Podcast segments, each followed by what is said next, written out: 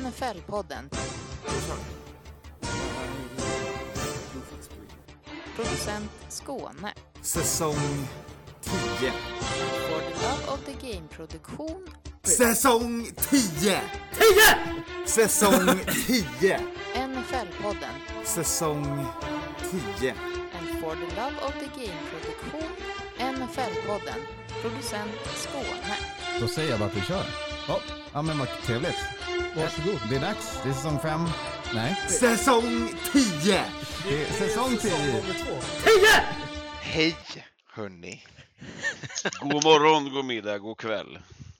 Ja, till er där ute. För oss här i studion, den digitala studion, en, en god morgon. Ni Absolut. med också? Ja, God Jajamän. morgon på er. Champions eh, Weekend. Exakt. Det är fyra lag kvar eh, och det ska vi prata om här i NFL-podden, tionde avsnittet, 24. Tionde säsongen, 24 avsntet. Alltså det är ju det är ju lite fint det här med att hade vi varit en julkalender så hade vi varit liksom framme vid julav, julmorgonsavsnittet och det tycker jag säger ganska mycket. Eh, det är fan julafton när vi pratar Championship-matcherna. Eh, Vet du vad som det- säger bet betyder mycket mer? Det är Humle och Dumle som ska spela in podd på torsdag och glömmer datorn, så därför kommer den här podden ut på lördag. Men Humle och Dumle, vad är du då? Ja. Fumle? Ja, Nej, jag, var fan, jag var Josh Allen. Butterfingers? Ja, vi var ett, ett gäng eh, kloka individer som inte löste det tekniska i Jag skulle säga torsdags. Jag tänker att det är, många, det, är, det är två som har fullt upp och det är en som fortfarande lider med bristfällig minnesuppdatering. Eh, då blir Ja, det ja, lite visst, så att, liksom, att eh, alltså det är jag som har bristfällig Ja. minnesuppdatering. För att förtydliga lite här. Ni har ju haft ganska mycket på jobbet och då är det väl lite svårt att kräva att man även ska ha koll på allt runt omkring. Men Ja. nog om det va.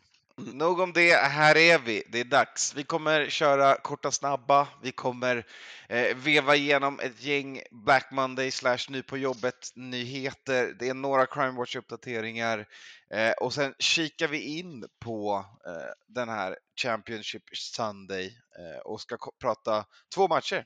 Eh, det är fyra lag kvar. Vi avslöjar vilka de är senare i podden. Helt rätt. Jajamän. Eh, innan dess, eh, är det någonting vi ska pay the bills, göra reklam för? Eh, förutom då det vanliga att det är eh, vi kollar matchen på söndag på Hard Rock. Det är näst sista matchen, eller hänget för den här säsongen. Tråkigt. Sista gratishänget. Ja, exakt. Eh, och sen har vi då man kan fortfarande, tror jag, eh, dubbelkolla det med Hard Rock, eh, köpa biljetter till Super. Eh, den eh, festivalen börjar nio på kvällen och det är buffé och det är häng. Och det kanske även nu finns en eh, quiz det här året med fina priser, eller? Det är en bra fråga. Jag är ju i LA, så jag vet inte. Exakt. Eh, Anton jag har inte- bokat jag fel år för Super Bowl. LA hade Ja. Super Bowl förra året. Ja, jag vet. Tänkte svänga förbi Arizona och Phoenix, men det sket sig. Ja, ja. Jag, jag Nej har men det in- blir quiz va Skåne? Ja, jag har bara inte fått den uppgiften på mitt bord så att jag har avvaktat lite. Men givet så löser vi sådana, det är ju inga konstigheter. Nej, eh, exakt. Så alls. Det är ju liksom... Eh, och det kommer en ny Canadips White Widow. Skåne har testat den, helt fantastisk faktiskt.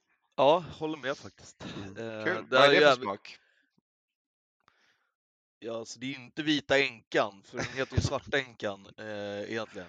Eh, vad skulle du säga att smaken är? Jag tyckte att den var ganska neutral. Eh, alltså, vilket jag kan tycka att många har ju ibland varit för mycket smak. Eh, root beer till exempel tyckte jag om smaken, men att den var lite för söt.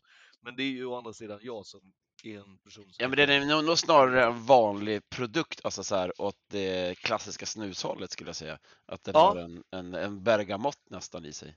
Ja, jag tyckte den var jätte, jättebra. Mm. Eh, just precis den här att det inte har så här kraftig smak. Jag tyckte den var supergod. Jag trodde det skulle vara vanilj. Hur som helst, vi går vidare. Nej, det inte Hoppar in Jag vet inte, det var bara det i mitt huvud som dök upp när man sa White Widow. Då tänkte jag, ja, vanilj. Hur som helst, korta snabba hörni, ska vi kliva in i det? ja, det tycker Då jag. kör vi korta, snabba. Och där börjar vi eh, med att eh, kika in på den här Conference Championship Weekend och kolla på lite sanningar om det här. Eh, och det här är ju nu en eh, situation där vi inte har en enda quarterback över 30. Och senast det här hände, säsongen 2010-2011, eh, så hade vi Aaron Rodgers, Jay Cutler, Ben Roethlisberger och Mark Sanchez. Alltså, det är sånt jävla rövgäng till, till eh, quarterbacks. Alltså, Aaron Rodgers var väldigt bra. Jo. året. absolut. Eh, ta bort Aaron Rodgers, så hur många av dem är, är några som du skulle säga så här, wow, det här, det här är... Ja, på planen, Ben Ja. också. Eh, och sen Ja. gillar jag ju Mark Sanchez. Han har gjort några fina säsonger i ett. Okej, men det Och ju Jay också... Cutler är ju en kul karaktär. Ja, ja, alltså Jay Cutler. Smoking Jay, det är Ja, ja, eh, otroligt alltså. Ja, och sen är det väl viktigt att lägga till att jag tror att detta är eh, Jay Cutler när han är i Denver. Innan Josh McDaniels tradar han till Chicago. Eh, så att det, är många som pratar om att han var, hade en före och efter tid, att han var dålig i Denver. Men ja, jag har för mig att detta är när han är i Denver. Eh, jag kan dock ha fel. Ja, han var ju grym i Chicago, men det var han ju redan i, i eh, Broncos också. Men, men Han jag, joinade, det var Chicago. Han, eh, 29 så just det, ja det är ju, ja. Eh, men det, det finns lite rolig stats där med, eh, med de här QB-grejerna. Det är ju det att det, det är fyra, fyra stycken QBs som, eh, som är rookies som spelar Championship Game faktiskt. Ingen har vunnit. Sen 1999 och det var alltså Sean King för Tampa. Eh, mot, torskade, det var en otrolig match den matchen. Eh, de torskade mot St. Louis Rams 11-6 år 2000. Big Ben 2004, första året. Torsk 41-27. Joe Flacco för Ravens. Eh, 2008 23-14 och sen Mark Sanchez då. The butt fumble Sanchez. Eh, han hade faktiskt två TDs i den matchen, men Jets torskade ändå 30-17. Så att ingenting talar för Brock Purdy den här veckan och det ska bli jävligt kul att prata om den matchen sen. Men, men det, var ju, det var ju inte riktigt så på, på Sanchez kan jag ju tycka. Alltså det var ju ändå liksom, Jets var ju där för sitt beryktade defense, bla bla bla. Ja, ja, men det, är- han, han, var- han var... Ja. Det är ju... Till skillnad från. Flacco som... och, Exakt. Ja. Men många av de här spelarna spelade ju faktiskt hela säsongen med sitt lag också. Det ska man ju ha med sig. Ja, Eh, ja, de gick ju tidigt in på att så här, det här är han vi spelar. All right, det stämmer. Vi går vidare. Eh, lite mer nyheter, eh, lite mer ja, anekdoter. 45,7 miljoner amerikaner såg på Cowboys och Niners göra upp eh, och göra 31 poäng mellan lagen. Eh, mest tittade matchen, eh, eller näst mest tittade matchen. Eh, och eh, rekordet var Packers at Cowboys 2017. Mm. Varför, tyck, varför tror du att det var så många som kollade på just den matchen? Packers Cowboys, Nej, den här. eh, ja, exakt. Ja, det är historien mellan de här två lagen 100%, eller? Eller passade ganska bra in i liksom tidsplanen och sådär. Ja, de, var Sunday Night Football, just det. Fast det är ju också så att de har ju lagt dem där för att jag tror att det var största liksom. Alltså Bengals Bills hade varit, var ju liksom, det var ju mer hype runt den matchen, alltså bland riktiga fans. Ja, och därför så la man ju den tidigare för Ja. att man visste att den ändå skulle dra. Ja. Medans, medans själva eh, klassiken, alltså cowboys har man ju ändå alltid försökt lägga, alltså kolla när cowboys har eh, varit i playoff och när, vilka tider de spelar. Nästan alltid är det ju runt omkring eh, ja, men det som är liksom mest tillgängligt för alla på alla tidszoner och det har ju lite med den här bilden av att att cowboys är Americas team och då, då ska alla ha möjlighet att se den och sen har de ju också extremt mycket fan. Det måste man ju ändå... Jo, alltså de, det, det sägs att de har det. Alltså, I USA har de ju det och i Sverige har de ju bara fans som inte är fans av cowboys. Sådana som mm, tycker att det är kul att snacka skit om cowboys på Facebook. Eh, men alltså cowboys är, så, eh, cowboys, är så, ja, men cowboys är så pass nära Tottenham Hotspur man kan bli som, som klubb. Liksom. En referens som flög rätt över huvudet på mig. Ja, jag har ingen aning heller vad det är. Men vinner aldrig någonting. Alltså, skitstora, men vinner ingenting. Inte på ett lång tid, det stämmer. Men de har ju trots allt vunnit. Ja, Spurs har faktiskt vunnit Norlia Cup, det får man ge dem. Ja. Nordliga Cup, Jag är inte här för att försvara. Hotspurs Nej, histo- jag heller. historia.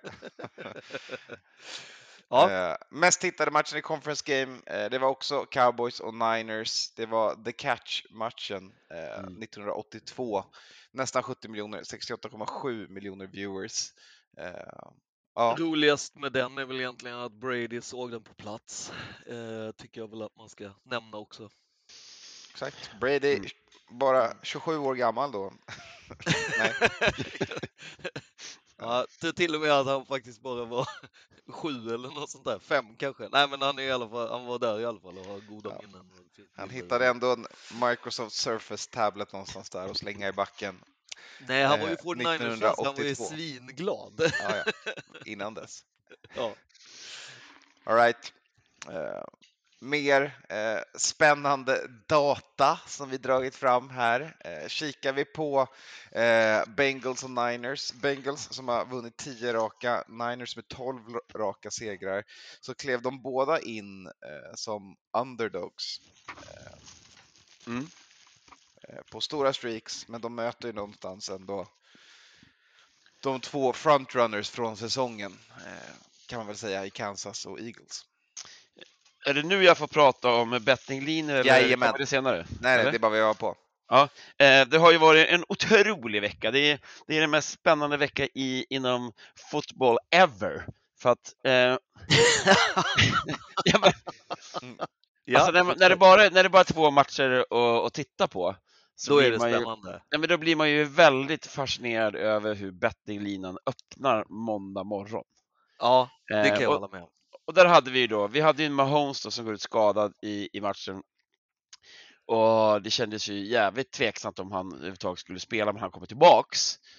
Eh, Kansas vinner matchen. Eh, och det är mycket dust runt omkring eh, Mahomes. Så att någon dåre då i USA öppnar den här linan på 2,5 favorit till Kansas Ja, med en skadad Mahomes eh, mot Bengals med Borrow som ser ut som fucking Tom han Brady. som man inte har vunnit heller mot på de tre senaste, liksom. Jag Ja, alltså allt, allting, allting Ja. liksom.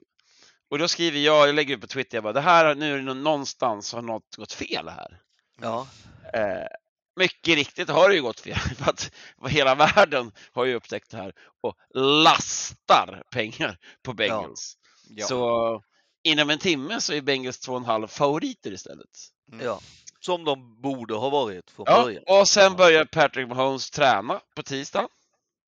Den går ner Utan skada, ser det Ja. ut att vara helt hel och frisk. ja, och är på presskonferens och hela grejen.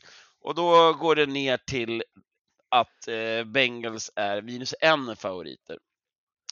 Eh, och sen så tränade han igår där han inte kan göra någonting överhuvudtaget.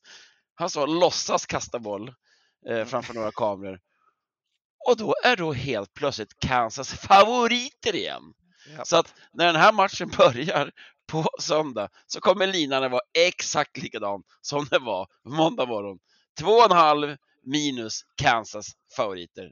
Det är helt otroligt. Men berg och dalbanan fram dit, det, det är lite Wow!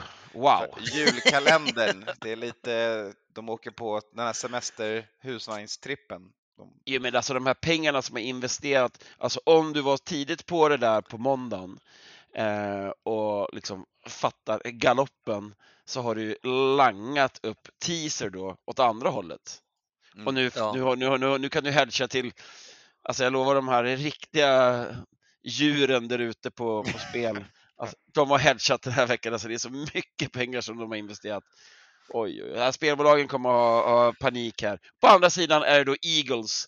Eh, klara favoriter mot Niners har gått upp från 2,5 till 3 här igår. Så att, eh, och det är väl rätt, eh, jag tycker det är rätt. Den känns mer okej faktiskt. Ja, alltså för där har det ju också, den har ju följt lite att den började väl på 2,5 där också va? Mm, mm. Och sen så gick den till 3, precis. Mm. För det var ju att man undrade lite hur, om det skulle vara några skador, men när eh, Eaglesen lägger upp att så här, det är helt skadefritt och alla tränare och allting, alltså då är det ju liksom den tycker jag ju är rätt så att säga. Alltså ett helt skadefritt Eagles, det, det borde ju vara någonting konstigt om de inte är hemmafavoriter. Liksom. Nej, men det är, Så klart att att den, den, det är ja. klart att den är rätt, men däremot Ja. har de det, det, jag trodde ju aldrig att det skulle gå så pass att de vågar lägga en lina på tre, för nu helt plötsligt finns det ett värde i den här matchen.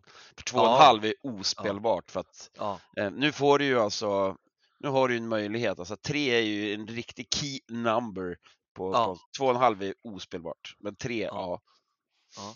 Vad händer på push då? Eh, om det är en field goal som... Eh, Ja, ja, men då, då sitter du som, som vi brukar säga lugn i hissen.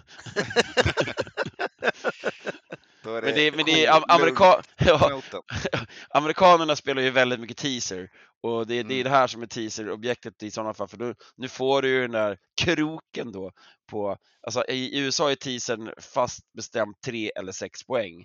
Mm. Eh, och kan du då lägga, äh, lägga på sex poäng här, då är vi uppe på nio, så du har plus nio då på, på, ett, på ett Niners i sån här match. Eh, eller en, ett, alltså moneyline på, på Eagles. Och det är eh, guldodds. Det är bara att bestämma vad man tror på och oftast och smartast är ju att spela på underdogen och lägga på poäng, för det här är jämna matcher. Eh, det, det, det, jag ser att chansen är, och sannolikheten är ju större att, att de klarar nio poäng än att man liksom vågar banka en Eagles seger här. Och för er som eh, gillar betting, men, inte, men inte är helt vana matematipslyssnare så är alltså en teaser så att man förändrar oddset till det sämre men man får en större marginal. Ja, så kan man väl precis. beskriva teaser bäst. För de flesta tror ju att en teaser är nästan som en trailer. Ja. Ehm, Ja, exakt. ni får inte se halva matchen och sen Det var det bestämma som oddset. spelades i mitt huvud i alla fall. Ja. Fem gånger tidigare i historien har ett lag som vunnit tio eller mer i rad varit underdogs. Vi orkar inte rabbla dem, vi hoppar istället vidare. Eh, och där kikar vi in hos Giants backup QB Davis Webb, eh, Mm. som vi såg spela lite fotboll om- där i ja. sista eh, veckan när de vilade spelare inför slutspelet. Ja, vi snackade ju lite i off-season eh, eller i början av den här eh, Säsongen. säsongen, precis, om att eh, han hade blivit erbjuden eh, quarterback-jobb, alltså som Coach. coach och inte som QB som han de facto var och eh, att han kände att nej, nej, nej, nej, nej, jag är fan startande QB och inte coach. Men eh, nu verkar eh, den här Han fick ju pendeln- starta en match nu, så nu är han Ja, klar. ja, och nu har pendeln slagit åt andra hållet och han känner att så här, "Aj, fan alltså, jag är nog ganska så sugen för trans transition från player till coach. Eh, så att eh, nu flaggar han mer om att han vill ha right opportunity. Men Men hur mycket är pengar, hur mycket pengar eh, eh, vi pratar om i, i en sån transition? Han tjänar inte så mycket pengar som backup va? nej, backup så skulle jag garr säga att han har max veteran minimum och Ja. sen som eh, coach då skulle jag nästan säga att det är öppet för internjobb och då är väl det obetalt tror jag. Ja, alltså du menar internjobb, alltså inte... It, det är inte Nej, han kommer ju ha, en- han kommer ju ha en lön. Kollar man ninja-googlande här, kollar man på QB-coacher i college så har, tjänar man ju ändå tresiffrigt amerikanskt i- i mitten. Så 450 till 700 000 i topp 5 eh, dollar per år. Mm. Eh, så 4,5 svenska miljoner till 7 eh, amerikanska miljoner. Men om man tänker löneväxling mellan våra länder skulle det kanske vara eh, Tänk hälften av en amerikansk. Fast de har ju ändå de här eh, som jobbar som eh, de som går de här olika liksom, trainee, motsvarande trainee-grejerna. Det var de det du ville berätta om intern, att du menar att du, du körde en hyfsad svengelska där. Ja, oh ja, absolut. Praktikant, ja. Ja, Ja, exakt. Och Ja. Ja. det finns ju ett gäng sådana och de är ju helt obetalda, bara att du får väl kanske lunch liksom. Alltså, Man kan få pengar som praktikant också. Mogna företag betalar sina, sina Mm. praktikanter. och skulle du beskriva NFL, Nej. eh, nej exakt, de är ett gammalt företag som är väldigt Ja. omoget, vilket är en, en paradox i sig, eh, men rolig En sådan. spelare som börjar bli väldigt mogen, det är Saquon Barkley. Han har varit med i ligan ett tag nu. Eh, han tackade precis nej till ett, en kontraktsförlängning på 12 miljoner per år och eh, ryktas vilja ha CMC money. Han ryktas ju också vilja stanna i Giants mest av allt. Eh, jag undrar om det egentligen är så att han vill bara följa med Kafka eller liksom, alltså så tänker jag. Jag tänker Ja. att det finns inte så jävla många som kan betala CMC-pengar hur som helst. Alltså, han är ju grym när han är frisk, men han har ju också haft, vad är det, tre år av rätt grova skad, in, skadeinfliktade säsonger. Eh, eller är det bara två? Alltså jag menar, han, han valdes ju i första rundan så de optade ju ha han i ett femte år. Eh, nu är det ju första gången han ska ha real money så att säga för att eh, inte gå ut på free agency. Men det var ju därför han var bra sista tre matcherna i- på säsongen också. Hans agent bara, jag kan inte jobba med det här. Han hade ändå, en, även om han hade en, en sämre average än sina första två år, så hade han eh, mest yardage han haft i sin karriär den här säsongen. Mm. Eh, men det, är också, Eh. det, det har ju väldigt mycket att göra med att... Eh, backen, inte cast, pass game. nej, men att eh, eh, Daimkrysset hade ju en otrolig säsong. Ja, och hela Giants Mm. egentligen. Så att jag Mm. menar, frågan är, jag tror att han, precis som Danny Jag Dimekryss, skulle nästan säga åt andra hållet, att Danny hade en bra säsong för att Saquon faktiskt var bra. Jo, år. men okej, båda eh, liksom vinner på det hela, men allting kommer ju ner till att de kan ju båda hävda att så här, vi har haft helt usla coacher. Och det tror jag rätt många skulle hålla med dem om. Hur gammal tror ni Saquon är? 27. Jag skulle säga 26, men jag vet inte. 25, fyller 26 God år. damn så it. att, eh, det är ändå intressant att tänka, det här är hans första kontrakt får man komma ihåg. Det känns som det, han har redan fått ett kontrakt han spelar för sitt, eh, för sitt Ja. andra kontrakt, ett Ja. rookie-kontrakt. Men nej, Saquon är rookie. Just nu. Ja, Ja. precis. Det, det glömmer man så lätt. Ja, Eh, Så vi hoppas han får en bra peng, för det förtjänar han. Eh, ja den de där Saquon. låren ska fan betalas, those ties! Jag vill inte köra någon Shakira-grej här, men du har redan Nej. öppnat. Ja, jag vet. Exakt. Han har inte såna... Han Thighs inte, don't lie rimmar ju också bättre än hips don't lie. Ja, så jag vet inte exakt. vad fan Shakira tänkte. jag tycker att du skriver i ordning ett mail till Shakira Ja. direkt här och Om jag ifrågasätter om sitter här inte och kommer ska... med Shakira slander, då kommer jag ha min fru efter mig. Så det är Okej, stryker okej, vi direkt i podden. Japp, eh, ska vi spela om? Ska vi ska jag göra en ny omtagning här? Ja, Vi, Intagning. bör, vi börjar ny intagning från början. Hörrni, vi ska prata division game. Vi är klara med korta snabba. Eh, Ja. Och vi ska konstatera lite roliga saker härifrån också. Vi har lite rekord. och Vi har lite saker att ta med oss in från division game som är att ringa in. Eh, Det ena har vi varit inne på, det är skadan på eh, Patrick Mahomes. Vi vet att det är en high ankle sprain. Vi vet att de drog en x-ray på honom mitt i driven när de slängde av honom, slängde in Henny som fick avsluta den andra kvarten och första halvleken. Ja, Och sen spelade han andra halvlek, troligtvis med diverse eh, smärtstillande preparat i kroppen. ja. Ja, alltså om man börjar med känslorna. Jag är lite sugen på att höra vad Matte tycker om, om eh, Division Game. Liksom. Du brukar ju oftast ha, ha New England Patriots här, vilket gör ju att du brukar vara vä- väldigt liksom ofokuserad på alla andra matcher. Nu är det ju första slutspelet där, där du har liksom kunnat vara med så att säga från första Ja, nej, men Matchen. Vad- eh, a- a- Vad absolut. tyckte du om den här eh, liksom, säsongens divisional game? Var det bra matcher eller? Eh, jag hade ju jättestora förhoppningar på, på Jaguars och det var ju att eh, jag fick ju en ruggig feeling när, när Mahomes blir skadad. Och det är alltså ruggig feeling på två sätt. Ett, det är att Jaguars kanske har en chans nu. Två, Mm. aj, att det inte igen. Eh, när det kommer till Mahomes där. Men eh, och Jags. Eh, ja, men alltså det är väl så här. Eh, de stora mästarna och de stora personligheterna, de övervinner sina difficulties på vägen. Eh, alla utom Josh Allen, för han är inte stor överhuvudtaget. Alltså det var piss. Jag har ju pratat om honom hela, hela säsongen. Bills, alltså jag har längtat att få köra rant här nu och jag har varit tyst på Twitter, ga- ganska tyst på Twitter om, om det här. Men alltså vilken fraud det här Bills Men du hånade ju typ mig första fem matcherna när jag sa att så här, alltså jag bara säger det att ni, ni skulle kunna vara 5-0 nu och även när ni Mm. pratar att ni ska gå till slutspel så har ni inte Mm. vunnit en viktig match ever. Nej. Eh, och, Och då återigen den här Tottenham Hotspur, Hotspur-grejen. Det är samma kille som har gjort den här, den här memen på Twitter som har gjort den synd om Ha- Tottenham känner jag, de åker under bussen många gånger. här.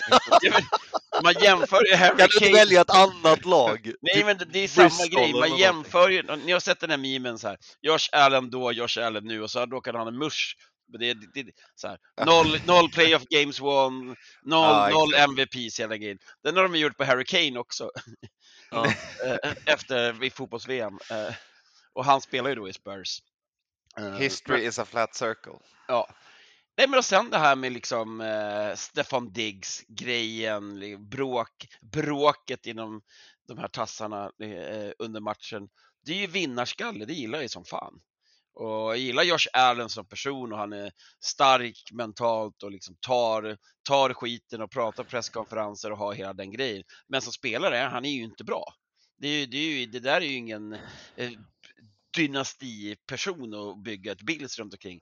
Dynastin dog utan att vinna någonting. Eh, nu är det ju Jets och Patriots som kommer tillbaks här. Dolphins kan vi ju kanske inte heller räkna bort så att Bills har haft sina år och de än en gång i deras dynasti vann de ingenting.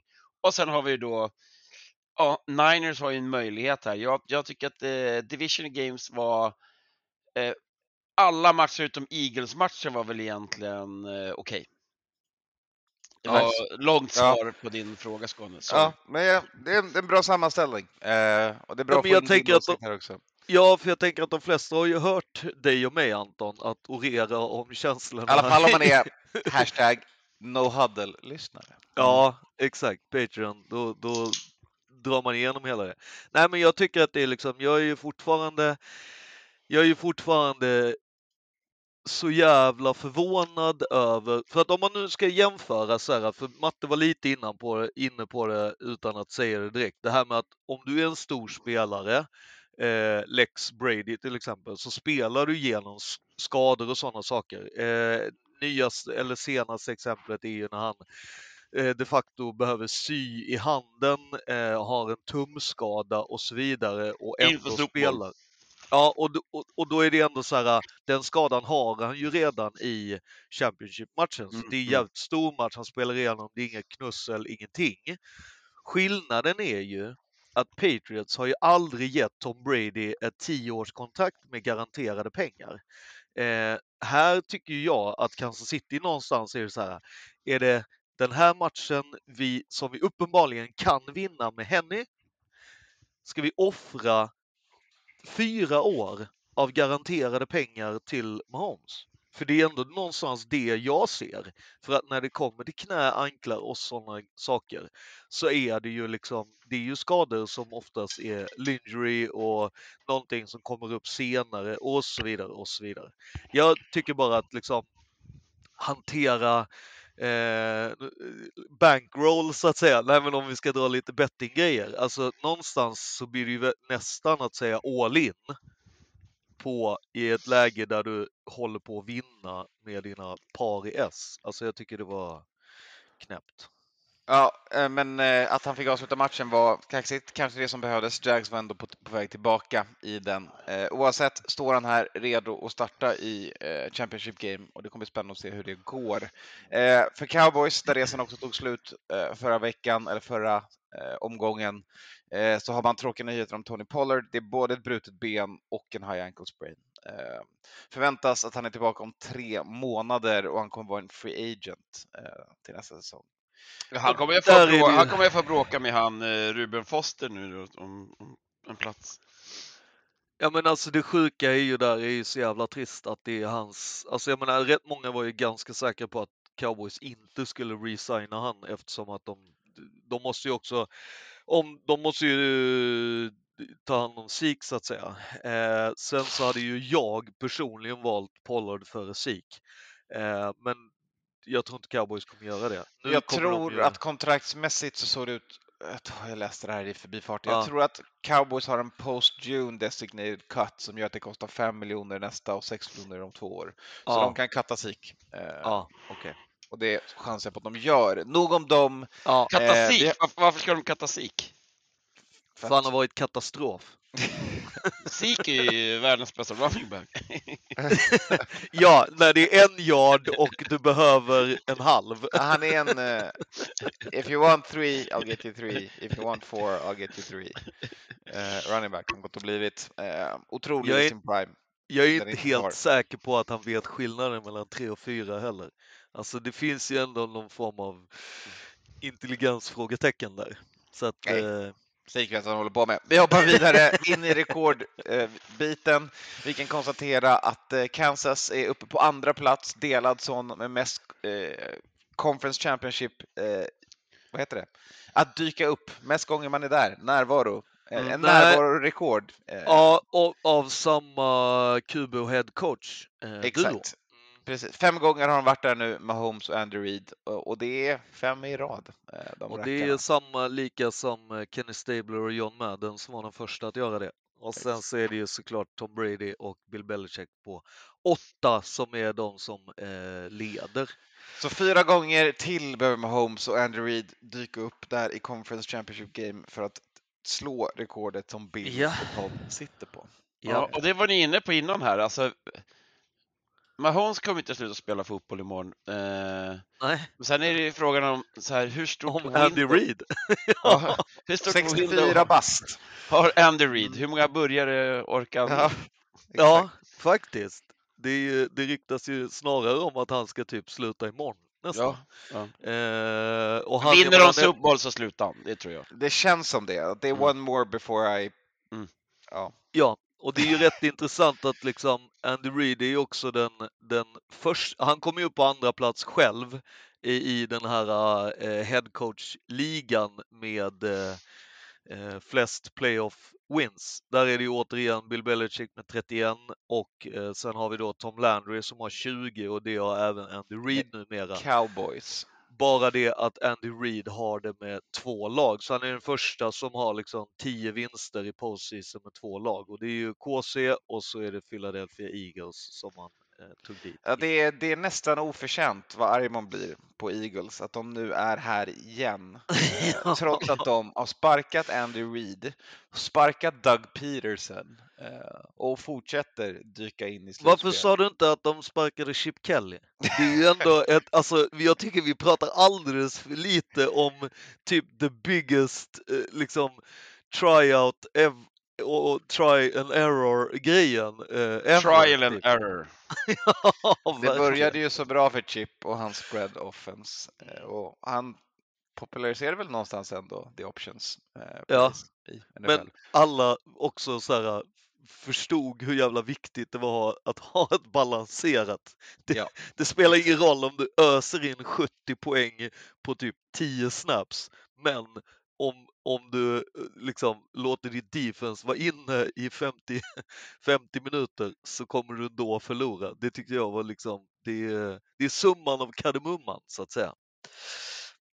Jajamän. Eh, Eagles vann över Giants med 31 poäng, en stor vinstmarginal och den största i slutspel. Tangerat rekord. Det räcker så, vi behöver inte säga något mer där. Nej. Eh, de sprang för 268 yards på backen. Eh, två i deras interna historia. 1949 hade de 274 i en NFL Championship-match. Eh, Niners har nu 12 raka vinster över Cowboys, vilket måste vara eh, frustrerande om man är Cowboys-fan. ja, verkligen. Så är det. Jag, jag Ja. tycker cowboys eh, får alldeles för mycket skit, men eh, det är en annan femma. Det håller jag med om, för jag pickade dem. Eh, det är halvbra. Ehm, Jag tycker att, alltså, ja, ja, nej, alltså det, ja, whatevs. Vi har snackat så jävla mycket idag, men jag ska väl eh, absolut, jag ska, jag ska eh, se till att eh, jag har eh, nytvättad lins när jag eh, pratar om cowboys eh, och kanske lyfta fokus från Dak Prescott som jag inte är Som, så eh, kastade över. två interceptions eh, som Mm. landar honom på totalt eh, 19 på den här säsongen. Eh, Ja, men hur fantastiskt var inte det då att Josh Allen kastade en interception i tre sekunder kvar i matchen? För Ja. att liksom, för att se till att rekordet var intakt. ja, Ja. Det är Ja. ju, ja. Nej, Prescott och Cowboys behöver hjälp i divisionals och eh, de är 0-3 där nu. Eh, Mm. Och 0-7 sen de vann Super Bowl 95. Eh, de hade behövt dyka upp och, Jo, men och vara så- så bra som de kan vara i den matchen. ja, ja alltså, men vi ska ändå gå vidare nu, men jag det vill bara säga det att så här, de gav ju bort ma- matchen. Niners var Mm. inte bra. Alltså Cowboys ska ju vinna, alltså ett, ett bra Cowboys vinner den där matchen. Jesus Christ alltså, det är så var det. Det är min Ja. supersnabba analys. Cowboys var det bättre laget, men de gav vinsten till Niners. Ja, för att de är sämst i postseason har de ju visat, uppenbarligen. Sen 95 då. All right. Eh, sen var det lite, vi ska inte heller pajla på på Brett Maher, så vi hoppar vidare. Vi går in i Black Monday istället eh, Ja, och ska prata lite för er där ute som har lag som inte är slutspel. Här kommer, här kommer vårt segment. ja, Eh, vi börjar med att kika in lite eh, med vad som hänt nu då. Nu är det tredje veckan sedan coach har fått börja eh, få sparken. Eh, temat har varit att defensiva headcoacher sparkar sin offensiva koordinator eh, och nu är det lite, lite tvärtom. Nåväl, eh, vi börjar med kategorin han är lugn. Jaha, okej, Eller ja. han är lugn. Okej, det är, för de som vet så är det Paolo Roberto i sökande, men kör. ja. Eh, Tom Telesco, Chargers GM, säger att eh, Brandon Staley, att det aldrig var något trubbel eh, i Chargers med hans roll. Nej, jag köper inte det. Eh, jag köper den nog, eh, men det, det, det kan bli trubbel eh, part två här känner jag. Det är sista, ex- sista rycket. Ja, ja, det är det jag menar. Att så här, om det inte var ditt fel, vem var det att sparka Mm. han? Det, det tror jag så var diskussionen. Liksom. Men, men. Ja, Och där har vi ju redan eh, Lombardi fått eh, eh, säga tack och Exakt. hej. Mm. Ehm, eh, I Rams så eh, säger eh, deras GM Les Snead att, eh, ja men vi vet att Sean McVay är tillbaka, han säger att det är dags för en remodel. Luktar väldigt mycket Vikings som förra, till den här säsongen sa att det var en competitive rebuild. ja. Rams ska nu retool eller remodel deras lag som eh, ja, behöver göra lite förändringar. Jag tycker det var intressant hur han pratade om att Sean McVay har sprungit liksom ett 800 meter lopp från att han har varit liksom assistant till OC och han slutade aldrig göra det som head coach. Och nu måste han och eh, så tog han även andra personer som skulle gå in och liksom eh, se till att Sean McVay orkar eh, och sen så var det ju den biten med att vi ska försöka göra det vi kan med det vi har och sen så någonstans så måste han ju börja en coachingjakt eftersom att de har ju tappat fem coacher. Liksom. Så ja, Ja, det blir en spännande resa för Rams kan man väl lugnt säga. Och, Ja. eh, bra ändå att Sean tog typ fyra dagars semester innan han sa jag är tillbaka. Eh, Ja. Det, Alltså ett tips är ju att inte sitta och liksom garva åt andra lags eh, picks i, på draften. Brukar, hjälpa, det brukar också hjälpa att ha egna draft picks, Mm. eh, har jag hört. ja. Vi får se om Rams testar den taktiken till nästa år. Troligtvis inte. Eh, hos Ravens har Harbaugh, eh, John förnamn, eh, sagt att det är 200% chans att Lamar är kvar i Baltimore. 200 Alltså- är ganska bra. Jag tycker att det är så roligt när folk säger sådana saker. Alltså så här, när, när man liksom, jag vet inte, det är väl den, den matematiken i mig som, som fnissar när jag hör att någon säger liksom 200 procent. Ehm, och det känns ju som att det är, det, för det blir så tydligt att det är en överdrift. Och en överdrift Jaså, brukar- 200 procent.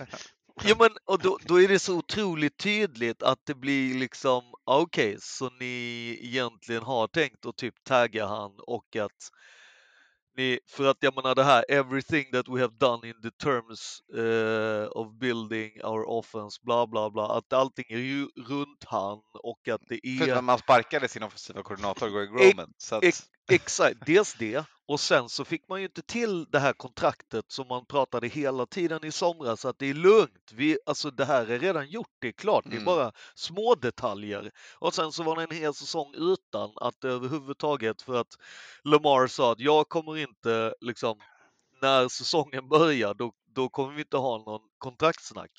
Eh, och vi sa liksom att ja, det är väl inte så bra med tanke på att du sätter en deadline som som, som man måste ändå hålla liksom. Och ja, jag tycker att det, det, luktar, det luktar som att de, eh, alltså det luktar för mycket lögn över uh, ja, Harbaugh. franchise-taggen loomar ju, precis som du säger, väldigt eh, starkt över den här Ja. situationen. Och jag Eh, tror inte att Lamar vill ha den och då kommer han inte spela och då har vi en jävla problematik. Alltså det, det är ju, ja, det är ju ja. en, det är en dröm i landningsplats dock att spela med ligans bästa försvar. Eh, om de såklart ser ut som de gjorde. ja, men det blir också lite, det blir också lite så, waste pick om du måste plocka en, en, en QB bara för att du inte har kunnat signa Om Lamar mot förmodan inte vill vara kvar så tänker jag att Baltimore kan få en och annan draftpick för den här. Ja, ja, absolut. Ja, det är också eh, en intressant grej. Hur mycket är man villig att skeppa han för liksom? All right. Eh, det är också en situation där franchise-taggen kanske folk är redo att försöka betala. Det vill Ja, säga draftpicks för att få signa dem när de franchise-taggar. Eh, och slutligen, Jerry Jones har sagt att Mike McCarthy sitter säkert kvar som head coach i Dallas. Han Ja, fortsätter göra Mike McCarthy-grejer. Det är att eh, förlora i Ja. slutspelet. ja. Mot, eh, jag menar alla blev så upprörda när han eh, hjälpte Aaron Rodgers att vinna mot Cowboys för första gången.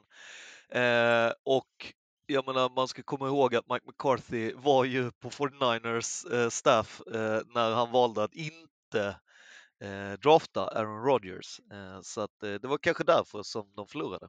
Who knows? Vem vet, andra sidan bo- bollen också när Kaepernick sprang skjortan av eh, Packers i slutspelet. Vem vet? Vi hoppar vidare, går in på eh, kategori Get the fuck out of here. Och här har vi fått några till eh, som har fått gå.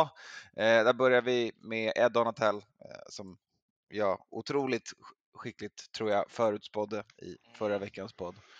Eh, Vikings defensiva koordinator har fått gå. Eh, man håller på att gå igenom intervjuer för att ta in en ny eh, och man kollar på bland annat eh, Brian Flores. Eh, man kollar på en kille vi kommer att prata om som redan fått ett nytt jobb och man kollar på Sean Desai. Eh, intressanta namn. För de som är Vikings-fans där ute och vill googla lite coachnamn. Japp. För det var ju knappast försvaret som gjorde att ni inte vann, eller? Hund- Det här är det sämsta försvar jag sett i slutspel. Ja, det var faktiskt, det var, det var, ju- det var ju tragiskt. Eh, nej, men det var det där var ju, eh, get the fuck out of there. Det var ju perfekt.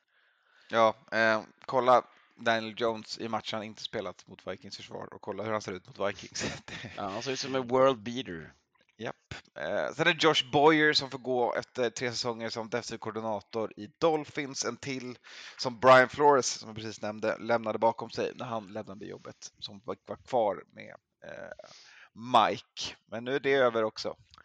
Han fick ju också ta med sig några, eller ta med och ta med, men det var ju lite clean-up där också. Mm. Eh, så att det var ju Safeties eh, coachen Steve Gregory och eh, deras outside linebacker coach Ty McKenzie och sen den assisterande linebacker coachen Steve Ferenzi. Så att det är ju det blir ju en hel ombyggnad på den defensiva sidan eh, och jag tycker jag tycker det är milt uttryckt helt fel med tanke på att det fan den defensiva som har hållit eh, Dolphins i matchen många gånger, i många, många matcher, tycker jag.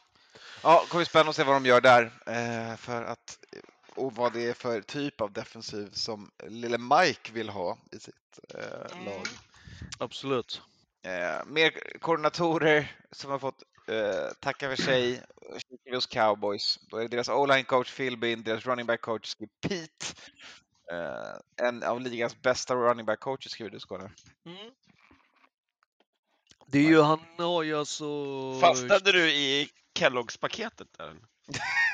Nej, det var, jag drack eh, lite kaffe här bara. Eh, det är inte jag som har gjort de andra ljuden. Nej men alltså, eh, Skip Pete är ju alltså en av ligans, de här eh, coacher som inte har fått ett headcoach eh, jobb eller offering eller ens eh, offensiv koordinator. Det är ju, han är ju ett av de här exemplen som man har tagit upp igen och igen och igen. Att du som afroamerikan har otroligt svårt att kunna få, eh, om du är på den offensiva sidan av bollen, då har du mycket svårare att bli offensiv koordinator och även då headcoach. Han är ju alltså eh, utsagt av i princip på alla ställen han har varit så är han en av ligans bästa running back coacher, om inte den bästa.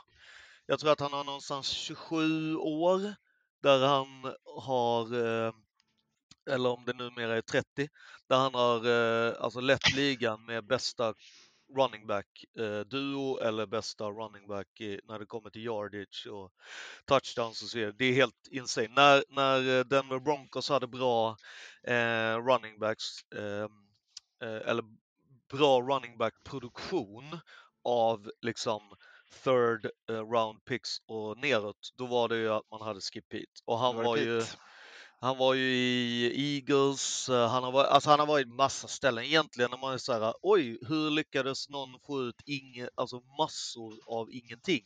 Då är det ofta så att det är Skip Pete som har varit i, i bakgrunden och, och jobbat liksom. Så att, ja, det är ju i, rätt vanligt att han får vara någon form av scapegoat och eh, Joe Philbin som du var inne på, eh, det är ju inte, det här är andra gången han får sparken av eh, Mike McCarthy, så jag tänker att han, han är rätt van att få eh, bära någon form av hundhuvud, för jag tycker ju inte att den offensiva, alltså o-line i, i, i, Dallas är ju inte direkt någonting som jag tyckte har varit svindålig. Eh, sen sparkar han ju, och det här är ju en eyebrow racer tycker jag, assisterande headcoach. Eh, så att, ja, är lite, det är Rob Davis, även George Edwards, Kyle Valero och Leon Lett. Eh, Mm. mest känd som spelare och nu Ja. assistant D-line coach eh, får lämna Cowboys. Eh, I Mm. Bills eh, så är det deras safeties coach Jim Salgado som har varit med Sean i fem år som får lämna, kanske sex år till och med. Eh, man skickar, eh, sen är det även, ja, nej det är ju, det är jag, det. det är ju liksom, alltså Sean eh, McDermott har ju annars varit en sån som inte ändrar så mycket, så att det är ju, det blir ju rätt snabbt att de, att deras, eh, hur länge de har varit hos någon är Ja, Det är ju absolut Bengals-matchen på eh, näthinnan också. Där, där såg det inte eh, v- men- vackert ut i secondary. Nej, men om du tar då, eh, eftersom att han är ju deras safety coach, så deras, en av deras bästa safeties var uppe i boxen. Eh, deras, alltså Poyer spelade skadad och blev mer skadad. Så någonstans så fick han sparken för att han inte hade tillräckligt många spelare på plan. Ja, det kan ju också vara ett sätt. Det kanske är att han har sagt att de ska spela hår. Jag vet inte. Men jag tyckte den var lite så här, om det är någon som ska Jag få tror att om man lyfter på eh, stenen lite med många eh, headcoacher som, eh, coacher generellt som får gå så kan man hitta skador som ligger där bakom eh, ett lag som inte presterar. True. Eh, Ja, absolut. All right. eh, ska vi hoppa vidare och gå in på de nya på jobbet istället? Eh, istället för att rattla massa namn som fått gå. Ja, eller det här är ju sådana tack men nej tack tycker jag man bör eh, ta upp lite. Alltså att Dan Quinn tycker jag är rätt starkt, att han säger att jag kommer stanna i Dallas. Mm. Eh, Och ett år igen när han har varit dels hos Broncos igen och intervjuat hos dem. Eh, han var ju som finalist eh, när de valde Nathaniel Hackett. Eh, och eh, han har även varit och intervjuat hos Cardinals och Colts. Eh, jag tycker det är intressant att Bill Callahan säger nej tack till bland annat Jets eh, och det gjorde även Daryl Bevell. Såklart. Hos- Varför skulle man säga Dolphins. ja tack till det gigget? Ja, men det är ändå, ja, det, absolut. Sen tycker jag väl att Vi kommer till någon som har tackat ja till Mhm, Jets. jag vet, Det är det som är roligt. Ja. Det det Ja, sen om. har vi ju då eh, hund- 1700 Colts-fans som har skrivit på en eh, petition att eh, en anti-Jeff Saturday petition. Det tycker jag ju ändå, det måste man ju, tack men nej tack tycker jag funkar tycker bra. det är alldeles för få. Ja, Eh, men det är ju väl, det finns inte smartare Colts-fans tänker jag. Det finns Eller bara tänker jag att- 1700. Det är 1700 som tror att de kan påverka headcoaching-valet. Uh, True, absolut. Alright, nu kör vi. Ny på jobbet. Vi börjar med Panthers. Eh, Frank Reich kliver in som ny headcoach. Han fick gå tidigt under säsongen från Colts. Eh, och nu har han ett nytt headcoaching-gig. Eh, Mhm. och den stora liksom det som hänger över det här beslutet är att Steve Wilkes som hade Panthers på väg in i slutspel tills Mm. man föll ihop mot Buccaneers Ja. därför inte kommer få fortsätta som head coach. Han var den interim coach som så i alla fall jag trodde eh, skulle ha en chans.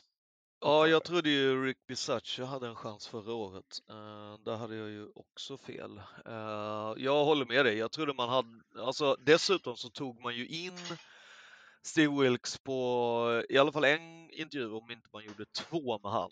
Eh, det som jag blev lite förvånad över är ju att tidigare i veckan, innan man gick ut med det här, så eh, pausade ju eh, det, alltså Panthers ägare, Tepper, han eh, pausade ju alla intervjuer för headcoaching-jobbet eh, eftersom att han även äger Charlotte FC som är eh, rundbollslaget. Eh, och eh, han pausade det eftersom att en av spelarna i hans lag dog. Eh, och då ställde han ju alltså in intervjun han hade i New York med Sean Payton. Han eh, sa liksom att det här kommer jag ta, lägga tid på eh, istället liksom. Eh, och, och var liksom att det var, en, det var en paus som var indefinitely, vilket jag tyckte var extremt eh, vågat att göra, men också att uppenbarligen så hade han ju haft Han hade sina två finalister Frank, i, liksom. han hade Ja, sina två exakt. finalister i Frank Ja. och Steve. Eh, Ja. Wilkes kommer ju nu ha sagt att han inte kommer komma tillbaka, vilket såklart man inte gör eh, om de, man får chansen att leda ett lag. Eh, åtta, nio, tio matcher, gör det bra. Eh, och sen eh, händer det här. Eh, skittråkigt för Steve, eh, såklart. Kul för Frank som får en ny chans efter eh, katastrofen i Colts. Ja. Eh, där det tog slut illa kvickt för honom den här säsongen. Eh, men det här är ju återigen en svart headcoach som kanske får en lite kortare end of the stick så att säga. Ja. Så att, eh, ja, vi får se hur det faller ut för alla involverade här. Eh, Patriots, Matte, nu kör vi. Mm. Billa Bob. Bull, Billa Bull är tillbaks igen. Jajamän. Mm. Nej men det här, det här är ju någonting som man i, i Patriots led har eh, under ett par månader väntat på. Eh, det, har ju, det är väl, vad, vad brukar man säga, den eh, minst överraskande nyheten på år och dagar. Liksom. Det, det var ju ingen hemlighet att det här skulle... Det kändes verkligen som det skulle bli Bill O'Brien igen. Eh, och- Vilket också är ju ett problem. Ja. Eh, man kan välja att se det på den sidan. Jag tror på vår sida, vi som fans, har ju då, alltså vi som fans på sen Bill O'Brien var hos oss innan han var hos i Texans, eh, Eh, tyckte ju bra om honom eh, och sen har det ju då blivit, kommit upp så extremt mycket bullcrap runt omkring relationen med våran Mac Jones och en viss eh, coach. Joe Judge och Mm. Mac gillade Mm. tydligen inte varandra. Eller Nej, Mac att- gillade i alla fall inte Joe. Nej, Joe Judge hade tydligen då eh, starkt hävdelseproblem där han då skulle ta överton och eh, hävda sig i alla olika delar av rummet, so to speak. Eh, Bill O'Brien är ju ingen, eh, ingen duvunge, han har ju, nu har han ju kört college här ett tag. Eh, är ju inte heller helt enkel person att ha att göra med. Fast, Fast det, någonstans känns det inte som att han har samma dåliga självförtroende tycker jag som man tycker se i Joes beteende. nej, För- nej, nej. För nej, Bill nej. så är det bara att så här, Bill kommer, he's gonna tell you the truth. Det, Mm. det släpptes ju direkt det där klassiska klippet från sidlinjen när han Tom står och bara vrålar på varandra. Liksom. Mm. Ja, Eh, vilket, det- också, vilket också är en hel idioti därför att du har inte Tom Brady längre och det man ska göra istället är ju att visa klippen på Bill O'Brien i eh, eh, Bama tillsammans med Mac Jones där de var. Alltså det här är ju en plug and play. Det här är ju hur bra som helst. Alltså Bill, Bill O'Brien var svinbra för Bill Belichick eh, och det eh, var eh, allas förväntningar att han skulle göra. Varför jag menar att det inte är bra, eller varför det inte är, det är därför att vi har en situation där alla vet, där alla vill ha Bill O'Brien, där alla ser att Bill O'Brien passar in.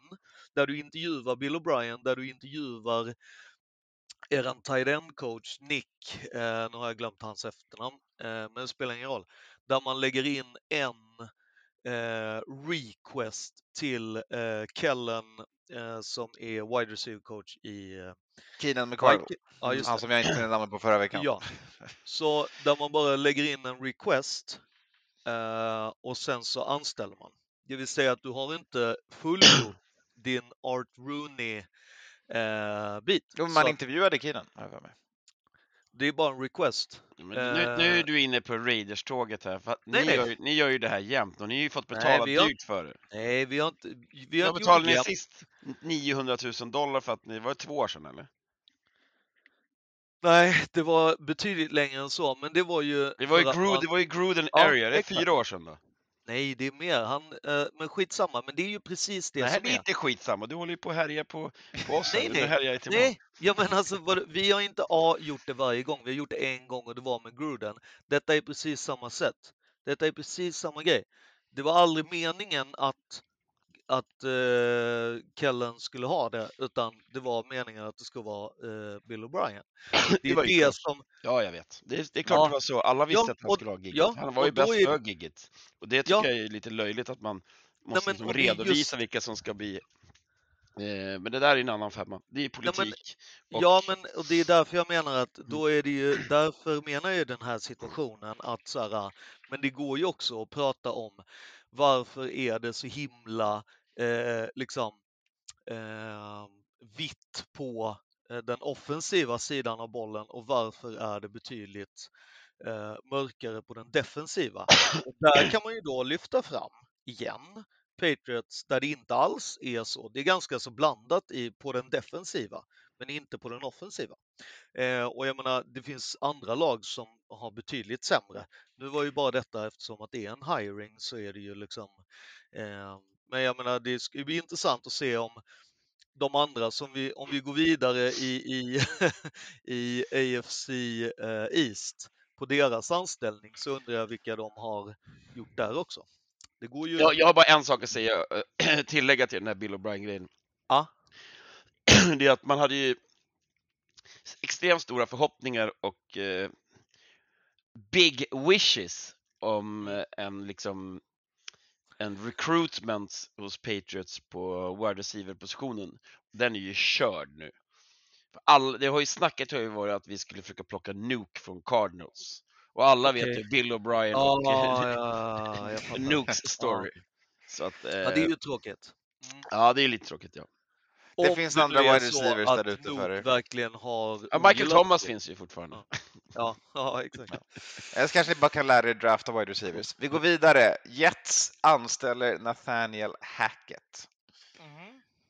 Jets doing Jets. Ja, Ja, eh, och jag menar de två som jag tog upp som hade sagt nej, båda de är vita. Så att jag menar, jag undrar vem det är de har anställt här, eller på riktigt tagit in som intervju för detta. Eh, för att liksom återigen klara den regeln. Jag ser inte här heller att det är eh, given. Liksom. Eh, de anställer ju även eh, Keith Carter eh, som den offensiva o-line coachen. Och det här är ju ännu mer än eh, nepotinism, eh, eller inte nepotinism på det sättet. Keith Carter var ju assistant eh, i Seahawks när Robert Sala var i, båda var han var defensiv quality coach eller control och Keith Carter var den offensiva quality. Så att, Men eh, Nathaniel Hackett då? Eh, gjorde- gick ju inte så bra i Broncos. Nej. Eh, varför vill Jets ha honom? Vad är, det, vad är det Nathaniel har med sig här?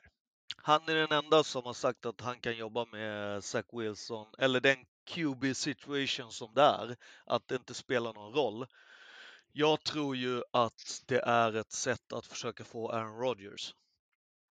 Alltså, det är vill ha- snacket att de är kompisar sedan hundra år tillbaks. Liksom. Ja, exakt. Och att eh, Jets ägare vill ha en veteran quarterback. Eh, vem bättre att försöka få eh, liksom Aaron Rodgers att liksom locka med att du har hans favoritkompis som OC och eh, att du Då kan är det visa... bättre att bara anställa Joe Rogan. Så. Jag tänker att han eh, är väl någon, blir väl någon Eh, Rooney. Rule för övrigt, bara headcoaching position var jag tvungen att kolla upp. Eh, därav att koordinatorsrollerna inte är, är samma scrutiny på. Eh, right. Ett problem i sig, men det, eh, Rooney Rule är också ett problem i sig för den funkar inte. Eh, men det, det är en annan podd för off-season när vi går in på den. Ehm, och sen är det ju det som matte härjar så är det ju inte speciellt dyr eh, böter. Nej men det är ju det. Alltså, jag menar, det, alltså om Mark Davis kan betala utan att ens titta i plånboken, då är det ett problem eftersom att han beskrivs som den fattigaste av ägarna ever. Då, då är det ju fel, liksom, eh, då måste man ju ta det på ett annat sätt. Liksom. Men det är som eh, Anton säger, off-season material. Ja, Ehm, jag tror ju att, eh, alltså man lägger ju upp den här för att man vill ha Aaron Rodgers. Ehm, menar, Ja, det, det finns ju en, en, såklart en koppling med de två. Det var samma man gjorde med Broncos, men det blev istället Russell. Ehm, ja, sen är ju frågan, alltså så här, ja, det gick- skräp för Hackett som ehm, som, som Head coach. eh, ja, och det, Men han, hans system funkade okej med eh, Rodgers som QB, vilket ofta gör det lite lättare. Eh, vi får väl se hur det går för honom helt enkelt. Han får en ny chans här i Jets, eh, kliver ner en nivå i roll och så ja, det blir det kul för Matti kanske att att kika på Jets matcher. Det går för jävligt för Ja. dem. Ja, men jag tänker att det är ju liksom det som är intressant här är ju att man tar också och anställer Keith Carter. Keith Carter är ju alltså han som har byggt upp Titans run game. Eh, inte jättesvårt kanske att, att bygga eh, run game runt Derrick Henry, men han har ju ändå gjort det i fem år och har gjort det liksom ja, jävligt bra egentligen.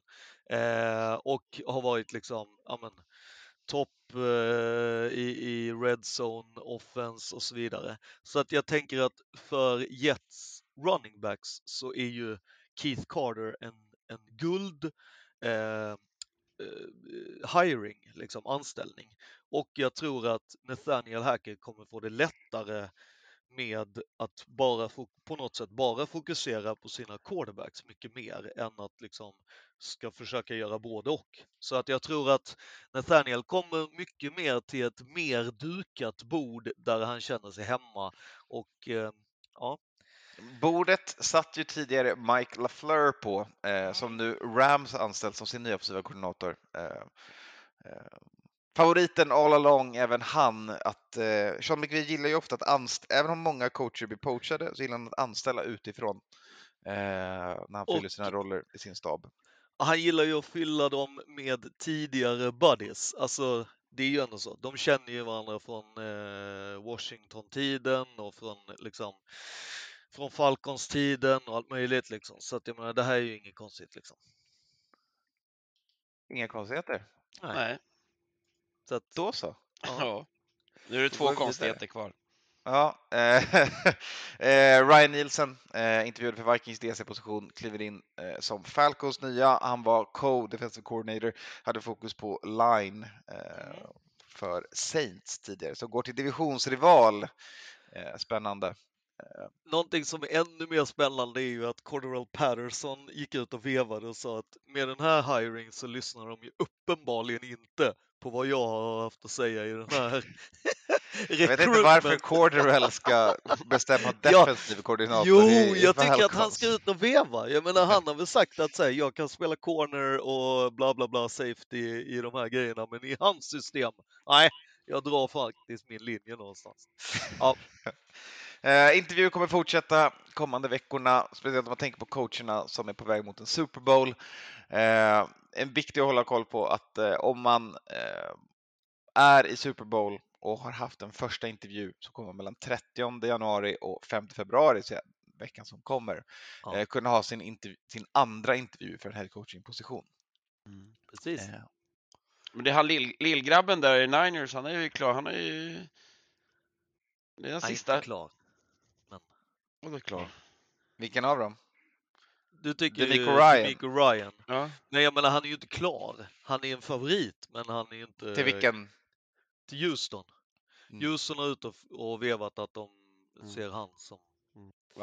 Skitsamma, de kommer ju åka på torsken då, så att då, då har han längre tid på sig. hoppar vi in. Vi ska göra ett snabb besök i eh, Crime Watch. Eh, där börjar vi med faktiskt en, någonting som påverkar eh, matcherna vi är i. Eh, för 49ers så är det deras defensive end Charles Omeniu eh, som har arresterats eh, på misdemeanor domestic violence efter en eh, incident med sin eh, flickvän i hemmet. Eh, Eh, innan vi går in på situationen behöver vi inte gå in på jättemycket. Vi har, vi har orerat om det här om och om och om och om och om igen i USA. Så att, eh, eh, skittråkigt. Eh, och eh, Niners säger ju såklart att de eh, are gathering further information och Kyle säger att han eh, kan spela mot Eagles. Ja, eftersom att den eh, legal process continues liksom. Eh, och att we are aware of the matter. Ja, precis. Det, är- ja, men, alltså, det är ju lite... Det, det känns aldrig bra Nej, när man, när man eh, säger att så här, men eh, så länge eh, ingen har sagt något och, och det inte är klart än så det är bara en utredning. Ja, men det är, Eh, alltså, och jag det förstår ja. guilty until proven innocent. men Ja, Ja. Mm. Men eh, där är, allting handlar ju bara om, det är ju NFL då som ska göra ett ta ett beslut liksom. Det är ju samma sak. Henry Ruggs är fortfarande inte ens uppe för trial liksom. Mm. Och det har gått, har det gått ett år? Alltså, det- Ja. Ibland går det ju väldigt snabbt och ibland tar det ju sjukt lång tid. Mm. Eh, eh, men ja. Det ju, men det, han är ju å andra sidan, han blev ju avslutad eh, från sin... Alltså, ju där både, både sin tjänst och alltså både av föreningen och av ligan såklart.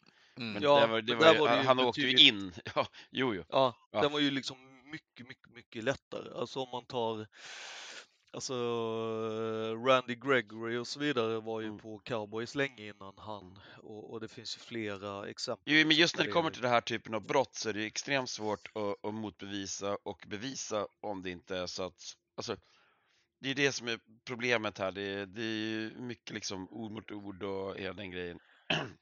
Ja, det blir ju såna, alltså det blir ju svårare också när liksom, alltså the victim declined medical attention Mm, till mm. exempel, men eh, sa också att han hade ont i armen, vilket liksom svårt att se. Jag menar att du har ont i armen kan ju fortfarande, du kan ju ha ont i armen utan att det syns på armen till exempel. Alltså det finns ju jättemycket olika. Men liksom. han, med, med, lite, med rätt pengar och rätt advokat så, behöver, så är han ju safe. Det är det som är Mm. problemet i, den här, i det här läget. Liksom.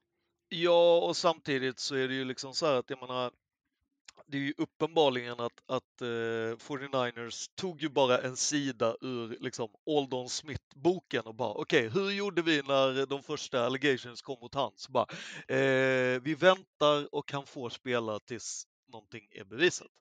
Då är det det vi säger och så lämnar vi där. Alltså, det var, alltså, jag menar, Men nu har den här killen fått för många minuter ändå så att eh, Ja. vi Ja, Vi avvaktar. hoppar vidare. Han posted bail och inte längre i custody, så han kommer faktiskt fysiskt kunna vara vid arenan och inte sitta i finkan. Eh, eller arresten. Eh, vi går vidare. Eh, Vi pratade om Brian Robinson tidigare i säsongen, Commanders running back som blev skjuten två gånger under en carjacking. Eh, en eh, tonåring eh, har eh, plead, en tonåringspojke har sagt eh, Ja, min svengelska är med i- idag helt enkelt. Pleaded guilty. Ja, han har sagt ja, det var jag eh, till det här. 14 år gammal när det hände. Mm. Det var drive-by också, eller hur? Nej, det var de försökte sno hans bil. Ja, carjacking. Ja, Det var carjacking. okej. Mm. Ja, ja, men 14 år vill man väl ha den fetaste bilen, men det är kanske... Also ska- pleaded guilty to voluntary manslaughter Mm. eftersom att de sköt ihjäl en 15-åring. Eh, Mm. en vecka senare. Så en förjävlig situation där eh, ja, eh, Det det amerikanska samhället fortsätter sätta Ja. både eh, perpetrators och victims i förjävliga situationer. Såklart mer Mm. synd om en person som mist sitt liv, men också Ja. inte kul för en 15-åring, 14-åring som eh, Det är inte bara det amerikanska samhället. Det är, om vi tittar ut genom fönsterrutan så här ser det inte så jävla bra ut. Nej, där har vi också glömt bort några regioner i Ja, landet ja, som vi ja. flyttat bort allt socialt skyddsnät från i Mm. decennier. Eh, Men det, det är en annan podd som vi kan annan någon gång i framtiden. Eh, Yes. Mm. Eh, vi hoppar vidare. Eh, sista tråkiga nyheten vi har i Crime Watch är Jesse Lemonnier. Eh, spelat i Lions, några matcher 2021. En, en kort karriär än så länge i NFL. Han då, har nu dött, 25 år gammal. Man vet inte riktigt vad det är som har hänt. Lions har bara sagt att han var en, en underbar lagkamrat och en ung man som lämnat oss alldeles för tidigt. Ja, och Lions har ju bara hört av sig till eh, liksom, familjen och, Mm. och konfirmerat och att eftersom att de inte har någonting under eh, dödsförklaringen. Eh, det är ju jag som har lagt in den under Crime Watch av den enkla anledningen att är du under, alltså är du 25 år eh, så måste, i min värld så kan det inte vara något annat än att, än att liksom någonstans att fotbollen har påverkat väldigt mycket. Eh, det, det är ju alldeles på ett sätt för tidigt att säga vad det kan vara och så vidare. Men eh, Mm. Han, hade ju, han hade ju sagt ja till att spela eh, fotboll vidare. Han eh, blev ju draftad i den här XFL, eh, dra, i, i XFL-draften men valde att stanna med USFL. Eh, så att han hade ju tänkt att fortsätta spela så att det är ju, ja, det är ju, säk- det är ju ja, svårt att säga vad det är men oavsett om det är medicinskt eller vad det än må vara så, så är det ju liksom, det är sjukt ungt att gå Mm. bort som 25-åring. För jävligt. Eh, med de tråkiga nyheterna syr vi ihop Crime Watch eh, för den här eh, veckan och förhoppningsvis på ett tag. Eh, och hoppar istället in i matcherna som ska spelas med en liten blänkare om att eh, ni kommer ihåg att om, om det hade varit Bills och Kansas så hade det blivit på neutral plats Mercedes-Benz i Atlanta. Ja, Det blev inte det. Eh, man hade lyckats sälja ungefär 50 000 biljetter innan. Det här är ju inget konstigt förfarande för att alla potential venues säljer ju biljetter. Mm. Så det blir mycket stå, hej och hallå. Eh, speciellt Bengals som har verkligen ridit den här vågen Ja. som deras eh, motivation thing. Det är klart alla arenor säljer biljetter en vecka innan till en potentiell match på deras arena. Jo, men och sen är det också så när, när NFL vill ju gärna få det här till att den mest eftersökta matchen. Men om du helt plötsligt har två hemmalag så är det Ja. inte jättekonstigt. När dessutom, jag vet inte hur många som har optat för att redan köpa den. Vilket då, alltså så att det är så här, de, de, de låtsas ju som att säga, nej men vadå, det här är ju inga, det här är första gången som den match är så här jätte, jätte eftersökt och det är, vi sålde typ sluten. Man bara, Men det var också bara till season ticket holders för, eh, Ja, exakt. för, för Bengals och eh, Nej, Bills och, Bills och Kansas City. Kansas Ja. eh, fans. Liksom, så att, Nej, jag Ja. tycker det var intressant att man försökte få det till att liksom, det här är den absolut hetaste ever. Men det är det i och för sig också. Men jag, jag, jag gillar det. Eh, Jag är helt på kommersiella tåget här. Jag tycker det är jätte, Mm. jättebra. Nice. Eh, vi ta med oss det in i veckans matcher. Det är dags för Conference Championship, Pick of the Pod. Snabb kik på ställningen. Kalle har bombat in alla rätt än så länge i slutspelet, leder nu Pick'em-ligan på 179. Eh, jag ligger på 171, 178, en poäng efter Skåne, 173 efter ha satt alla rätt i den här veckan. Matte fortsätter eh, ta aviggarna för att komma ikapp, men ja, ett rätt förra veckan, 155 totalt. Ja, eh, nej men eh, vi börjar med den som är sämst och det är ju, Är du? ja, Jags borde ha vunnit den här matchen. Nej, nej, men det, det, det är imponerande. Ni, ni är jätteduktiga tycker jag. Eh, eh, Sluta ljug nu! Dä- dä- Däremot är ni eh, pissdåliga när det kommer till det absolut viktigaste och det är NFL Playoff Challenge. NFL-podden-gruppen. Gå in där och kolla vem har bästa laget i NFL-podden. Kalle En- hade halvt Bills, halvt Niners. Bills ute. Nu måste han ta in halva laget nya spelare, tappar alla tre gånger bonus. Ja. Jag hade halv Bills, halv Vikings och kan säga att jag har slutat spela. Du är körd. Eh, det roliga här är, som inte många känner till, det är ju att, att eh, Matte har ju alltså plagierat eh, Petra, min sambos lineup, rakt av. Alltså varje spelare. Eh, så att, eh, ja, intressant. All right, nu kör vi Ja. hörni. Damn it. Damn it. Båda matcherna går av på söndag. Eh, Mhm. 21.00 svensk tid och 00.30 svensk tid. Ja. 21.00 på Hard Rock börjar vi med 49ers at Eagles. Eh, och där är det ingen annan vi måste börja med än Kalle med sina eh, 49ers. Eh, och Kalle säger så här. Han vill så gärna vara en homer och tro på Brocky Balboa, eh, som han så gärna vill att det här avsnittet ska heta. Ja. Eh, Att han kan springa för trapporna i Philly och dela ut en uppercut, uppercut på trutarnas näbb. Eh, frågan är hur hel Hurts är. Han säger att Giants inte bjöd på mycket motstånd. Men Eagles leder i eh, och kommer de igenom Niners O-line så är jag rädd för att det till slut kan ställa till det för Brock Purdy, tänker jag säga. Jag tänker, vägrar kalla honom någonting annat nu. Eh, som eh, gör sin åttonde start i NFL, bortaplan i en conference final. Eh, men eh, han vill vara en, både en realist och hedga sitt pick. Så eh, om man Niners får ett L här så vill han i alla fall ha ett poäng i picken. Så Kalle hittar vi på Eagles den här veckan. Åh, feg rumpa. Ja, Eh, verkligen. Men, men, men det är, det är klassiskt Kalle, han tar ju favoriten, det gör han ju jämt, så det, det, det är inte svårare än så. Nej, då kan man inte ha fyra rätt. Jag tog, in, jag tog ju inte favoriter förra veckan. Det gjorde du. Och- Nej. Bills var ju favorit mot Bengals. Sen visste jag ju att Bills inte kan spela. Eh, därför tog jag Bengals. Därför hade jag Skitsamma. rätt. Eh, nej men han, det, det, är väl, det är väl så att eh, jag har ju det här Eagles-gänget har ju, det, det här är som Ravens för mig genom alla år. Jag, jag, jag förstår inte den här, att det här laget är bra. Jag, jag kan liksom inte se att det här laget är bra, fast jag ser det vecka ut och vecka in. Att de bara merchar igenom. Ja, det, laget har ingen identitet för mig. Eh, Hurts är inte den här Lamar Jackson som inte heller har någon identitet för en del. Eh, men Niners, det, måste, det här måste ju ta slut. Det här är ju, det, det har varit så floket hela säsongen.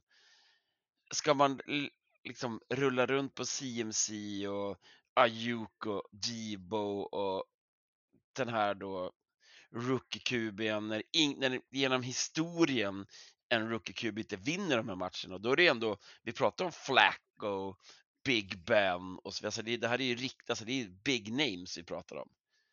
Ska Brock Purdy vara den som bryter den trenden? Det, det finns inte. Det är inte i min värld i alla fall. Jag tycker för sig Brock Purdy är bättre än dem. No question asked. Alltså, Joe Flacco är det ju största skämtet lägg ever. av! Joe Flacco Jo. är världen, eh, han är topp tre världens bästa QB. Nej! Vadå, i Eagles history eller i, i Broncos history eller Vi vilken? kommer ihåg att det finns två Joe Flacco. Det finns Joe Flacco hela sin karriär, förutom slutspelet när Joe the, the Dragon vaknade. Eh, Han var en annan QB den Okej. postseasonen med Baltimore. Ja, jag tänker att det var liksom en postseason där han inte behövde spela och hade liksom kanske det bästa defense sen Bears du, han, kast- 85. han vann mot Broncos. Okej. matchen. Ja. Att- Men, men man ska också ha med sig att det är, eh, det är bortamatch också för Niners. Eh, Ja. Extremt viktigt att titta på eh, Ja, faktiskt. Mot kanske, ja förutom då, alltså Patriots-fansen är ju inte lika vidriga som Eagles-fansen är, men Eagles har ju liksom, de rankas ju väldigt högt av genom liksom alla listor av fans i världen i alla sporter om att vara avskummet på jorden. ja det, det finns ett gäng klipp Ja. kan man väl lugnt säga. Det det- gör det till en väldigt Det är en hostile environment han kommer till, Brock Exakt. Purdy. Det är det verkligen. Det verkar inte röra honom så mycket. Jag tyckte han var imponerande. För var han hemma, men eh, mot Cowboys så gillade jag att se. Det var ingen, han är inte world beater, eh, men det var eh, 200 Han kan yards, kasta boll, inga kan touchdown, inga interceptions. Tog ett gäng sacks och, och liksom rullade på med anfallet. De sparkade mest field goals, eh, men, men där bjöd det andra laget på misstagen. Han gör inga misstag och det är en styrka som rookie. Mm, det är absolut. den som Niners kommer behöva luta sig mot. Eh, Problemet på andra sidan bollen är att Eagles inte riktigt heller gör så mycket misstag. De är bra på att tvinga fram dem istället. Eh, Eagles eh, tycker jag, eh, så här, de har en otrolig pass rush. De har ett defense som är så när som på komplett. Man kan kasta sig runt dem. Eh, det vill säga att det kommer bli en intressant match för, för Purdy. Eh, även för CMC som är, ryktas vara lite småskadad eh, och Elijah Mitchell som är, tror jag har ett Q på väg in i den här matchen. Eh, Niners run game såg ju absolut löst ut mot eh, Dallas. Eh, I den här matchen så har de en, en till svår linje att ta sig igenom. Eh, det är Fletcher Cox, liksom, kanske hans sista år i Eagles eller i, för säsongen, eh, eller för sin karriär menar jag. Mm. Ehm, Niners, alltså det, det ska vi kolla på varför de vinner den här matchen? Om man hittar en anledning så är det deras defense. Eh, det är ett aggressivt defense som eh, spelar på tårna, skapar tryck, eh, lever på pressure såklart genom en otrolig linje, men behöver inte offra så mycket för det på de linebackers och de spelare de har. Men Seahawks visade att de går att göra poäng på eh, i slutspel. Eh, Cowboys lyckades inte med stackars Dak. Eh, så det kommer bli en jämn match tror jag på. Min pick är enkel. Jag ska se till att det står lika mellan mig och Kalle Så du tar Niners såklart, det är jättebra. Det är, du, vilket guldläge du fick. i slutspels, i Super Bowl. Och då är frågan, eh, och vad, vem tror jag mer på? Brock Purdy eller Patrick Mahomes? Patrick Mahomes? Aha, okej. Mm. Eh, så med det så kommer jag i den här matchen hålla med Kalle och säga att Jaha. eh. Eagles vinner. Aha. Ja, ja. Skåne kommer ju Okej. inte hålla med. Du, ka- eh, alltså om jag förstod dig rätt Matte så valde du ju Eagles hemma, inga konstigheter. Ja, ja inga bättre. konstigheter alls. Ja, ja. Nej, men bara så att det var så vi har det här Det är helt på klart. Till protokollet, jajamän. Ja. Ehm, alltså, först och främst så ska man ju säga att här, när du är sidad etta så är det ju liksom first seed går till Super Bowl liksom. Det är nästan mangrant. Man går typ 50% av gångerna eh, som Super Bowl har spelats. Liksom. I Championship Games, ja. Nej, alltså från Championship Games så går du till, till Super Bowl. Eh, och det är ju alltså på, eh, om man räknar att det är två försök till en Super Bowl Mm, ja, så är det ju Mm. 94 gånger och då har det skett eh, någonstans 40, 45. Så att det är nästan så här 50% chans. Sen är det ju så att det är väldigt ofta som ettorna till exempel möts. Eh, etta, etta och så vidare. Men men, eh, jag menar ju att eh, Eagles eh, som sig bör ska vara favoriter. De har, hemmafla, eh, de har hemmaplan, de har flest vinster under regular Det är inga konstigheter. Hur de vann mot Giants är också så här, eh, men det var mot Giants.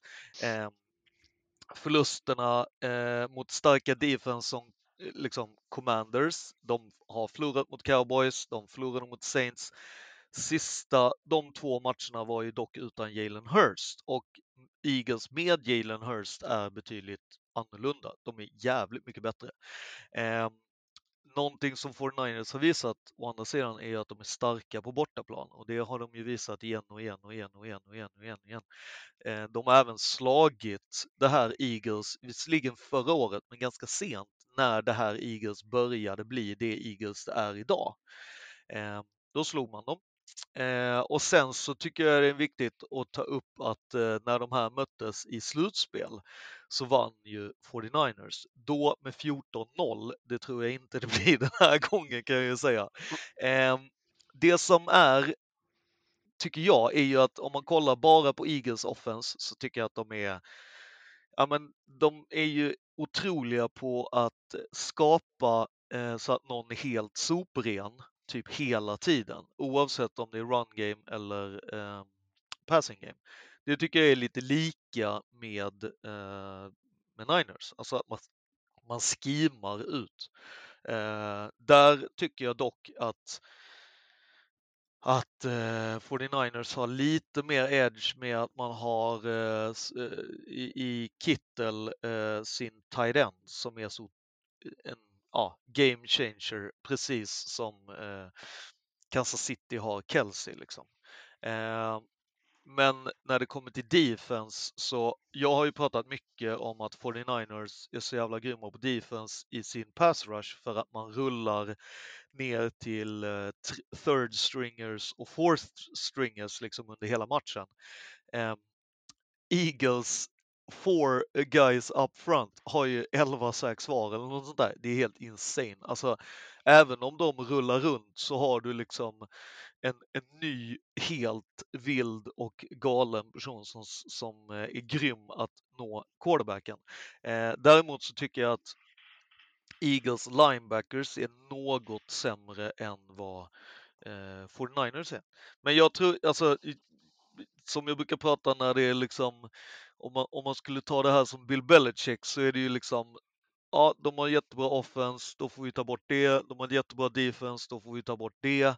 Då kommer det ner till liksom special teams och kicking teams så har 49ers Robbie Gold som är en av liksom Alltså han har ju aldrig missat ett, ett field goal i, i playoffs. Eh, han är 39 av 39. Eh, och Jake Elliott då som Eagles har, han har ju inte heller missat. Eh, det är bara att han är 12 för 12. Eh, och sen när det kommer till extra poäng så har ju faktiskt Jake Elliott missat två. Men det var ju å andra sidan hans rookie season. Eh, och jag tror ju liksom att de är jävligt säkra på att sätta sina field goals och liknande. Det som man bör komma ihåg är att Jake Elliott är den här säsongen så är han 50-procentig bara när det kommer till 40 till 49 yards, alltså vilket jag skulle säga antagligen den mest vanliga när du inte kan göra en TD. Eh, så där skulle jag ge en slightly edge till 49ers och Robbie Gold. Sen när det kommer till eh, returns så har ju 49ers igen bara en liten, liten fördel eh, med deras Ray Ray och det är ju liksom så att jag tror ju att det är den absolut minsta lilla marginal liksom. Eh, men jag tror att sådana här saker som en winning culture och sådana saker som jag har pratat mycket om. Eh, jag tror att det är det som, som kommer komma ner till det. Det som jag alltid är rädd för när det kommer till 49ers, och det tror jag alla är, det är ju att det är Kyle Shanahan. För att jag tycker ju att Kyle Shanahan gör konstiga beslut med timeouts och inte timeouts i slutet när det är som mest critical. Eh, så någonstans så tror jag att den här matchen kommer bli liksom 22-23 med att liksom eh, sista field goal från Robbie Gold. Eh, alternativt att det är overtime och då är det väl typ 21-24. Men jag tror att det kommer vara liksom en jätteliten marginal. Eh, och jag tror att Kittel kommer spela en väldigt stor roll i att få Brock Purdy att eh, se bra ut och också klara det som Han har gjort inte har hela klarat. säsongen. Han har varit eh, solren Ja. eh, så länge, så länge. Eh, där har vi det. Skåne själv på 49ers. Eh, tre tappra på Eagles. Eh, och det är den första matchen. Hoppar vidare till den andra. Där har vi Bengals och Kansas City BK. Eh, tänk att Kalle kan få inleda den här också. Eh, Japp. han säger att eh, Mahomes skada såg inte bra ut. Eh, frågar om han kommer att kliva ut som att inget har hänt eh, med smärtstillande och så vidare. Eller kommer han halta efter första pressuren? Eh, han säger att hans styrka är improvisationen eh, och förlänga spel om man behöver rörlighet för det. Eh, och undrar om Andrew Reid behövt eh, forma om playbooken lite med en halt QB. Eh, han räknar med att Bengals defense kommer ha honom i siktet, precis som de hade med Josh Allen. Bengals har tre raka på Kansas, eh, inklusive eh, den här matchen förra året. Så han säger vinst för Bengals och det kanske till och med är större siffror än i NFC-matchen. Ja. Alltså, det här med att, att eh, Cincinnati kallar Arrowhead för Burrowhead är ju talande. Eh, Gjorde ju- även eh, Kansas defense i en tydlig eh, motivational gliring. Ja, men det är ju liksom, alltså Cincy är ju helt orädda för att ta, för att vara där. De är också helt orädda att möta Kansas City.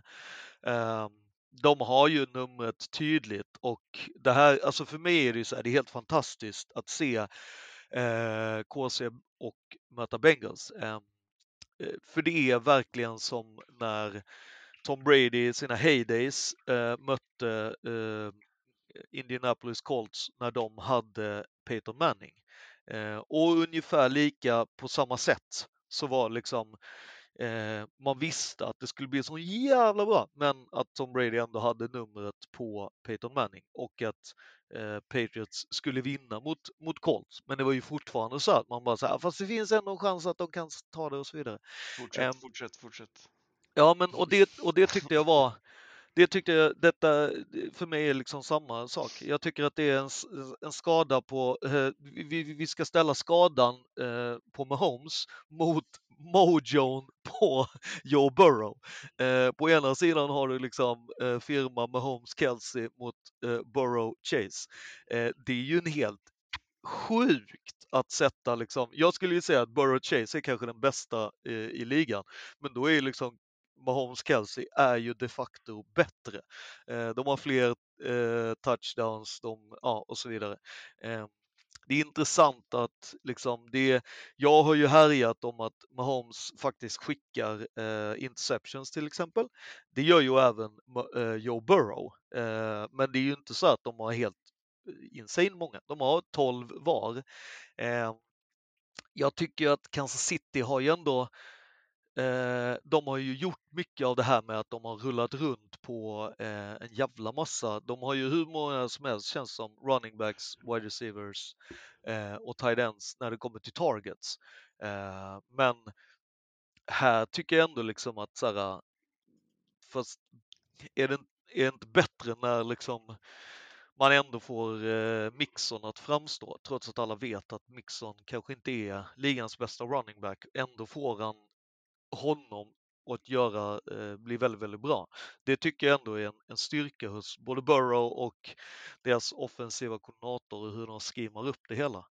Eh, ja, alltså, det enda som talar egentligen mot att det ska bli någonting eller så, eh, det är ju att det är väldigt sällan som båda sid 2 tar sig till Super Bowl samtidigt.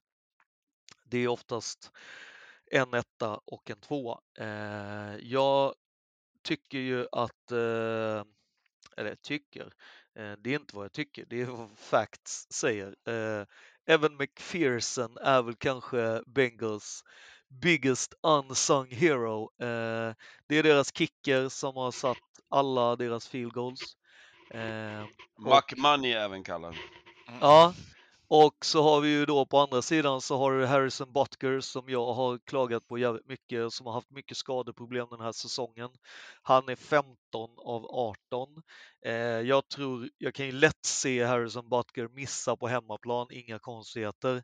Eh, och sen så det sista det här med Kansas City-publiken, om vi ändå tog upp Eagles-publiken så är ju Kansas City-publiken, de är jävligt snabba att vända. Eh, det vill säga att är det liksom knorr i att det inte funkar, då blir det jävligt tyst och det blir burop och det blir liksom, de är jävligt snabba till att liksom hänga ut Eric Bjennemy som kommer vara liksom, eh, om, om, det, om det inte funkar med playcalling eh, och Mahomes är frustrerad eller liksom, och sen så kommer man ifrågasätta Andy Reeds i vanlig ordning, eh, att han inte kan vinna och så vidare. Hur, hur Eh. gör publiken det här i en chant då eller? Ja, ja, nej men alltså det, det är, och de buar ju oftast. Alltså Ja. så att, att de liksom och börjar skrika grejer och sånt. Och det, det är ju, man brukar ju säga att, eh, att, eh, att det är väldigt, hörs väldigt tydligt och det gör det ju i den arenan. Så att eh, ja, Så jag, vem har du? Jag har Bengals med 24-27 eftersom att de har ju vunnit eh, med 24-27 i alla fall två av tre gånger eh, mot Kansas City. Eh, och jag tror att, eller jag skulle inte bli förvånad om det är liksom att det är på eh, en, en defensiv flagga när klockan är 000. Alltså just för att eh, Kansas Citys secondary är jävligt sloppy. Alltså de är dåliga på att, att spela eh, disciplinerat. Jag skulle inte bli man förvånad. Det- Ja. 0, 0, 0. Ja, det är otroligt. Det var ju jättefin utläggning här och det är, det är väl en... eh, Den känns väl rätt trolig, eh, din utläggning också tycker jag. Ja. Däremot så... Alltså fasen, det är ju skit. Alltså det, Det är svårt Be- ja. ja men Bengals är ju det, det, det nya KC liksom. Alltså de kommer från, från den, alltså Ska vi ha Bengals, Cincinnati Bengals, back to back i en Super Bowl? Ja, jag tror ju det. Jag har ju suttit och vev, vevat Ja. det innan Ja. slutspelet började, så ha- hade jag då till 26 gånger pengarna att Bengals möter Niners i Super Bowl och Bengals vinner. Mm. Eh, och I och med att jag tror att Eagles vinner nu då mot Niners, för jag hade inte trott att de, det skulle vara den matchupen där. Mm. Eh, så hoppar jag av Bengals-tåget här och går på KC eh, hemma. Eh, jag tror att det här, det är... Burrow är djävulskt vass, men Mahomes är fan också jävligt vass. Och det finns en vinnarskalle där som kan göra att han på något mirakulöst sätt löser det här. Eh, Bengals är ju roligare, bra mycket roligare. Det, det finns mycket, mycket, mycket, mycket roligare grejer runt omkring det laget och, och Burrow och vilka, alltså de, alltså Higgins och Boyd och de här långhåriga Hurst och vad de nu heter alla de här jävla tight endsen de har som ser likadana ut allihop. Ja. Jag vill ha Bengals vidare, men jag, jag, nej, jag går på den här gut feeling och Mahomes hemmaplan. Det gör Blir, eh, Helt Ja. rätt i Matte. ja, så, så där landade jag.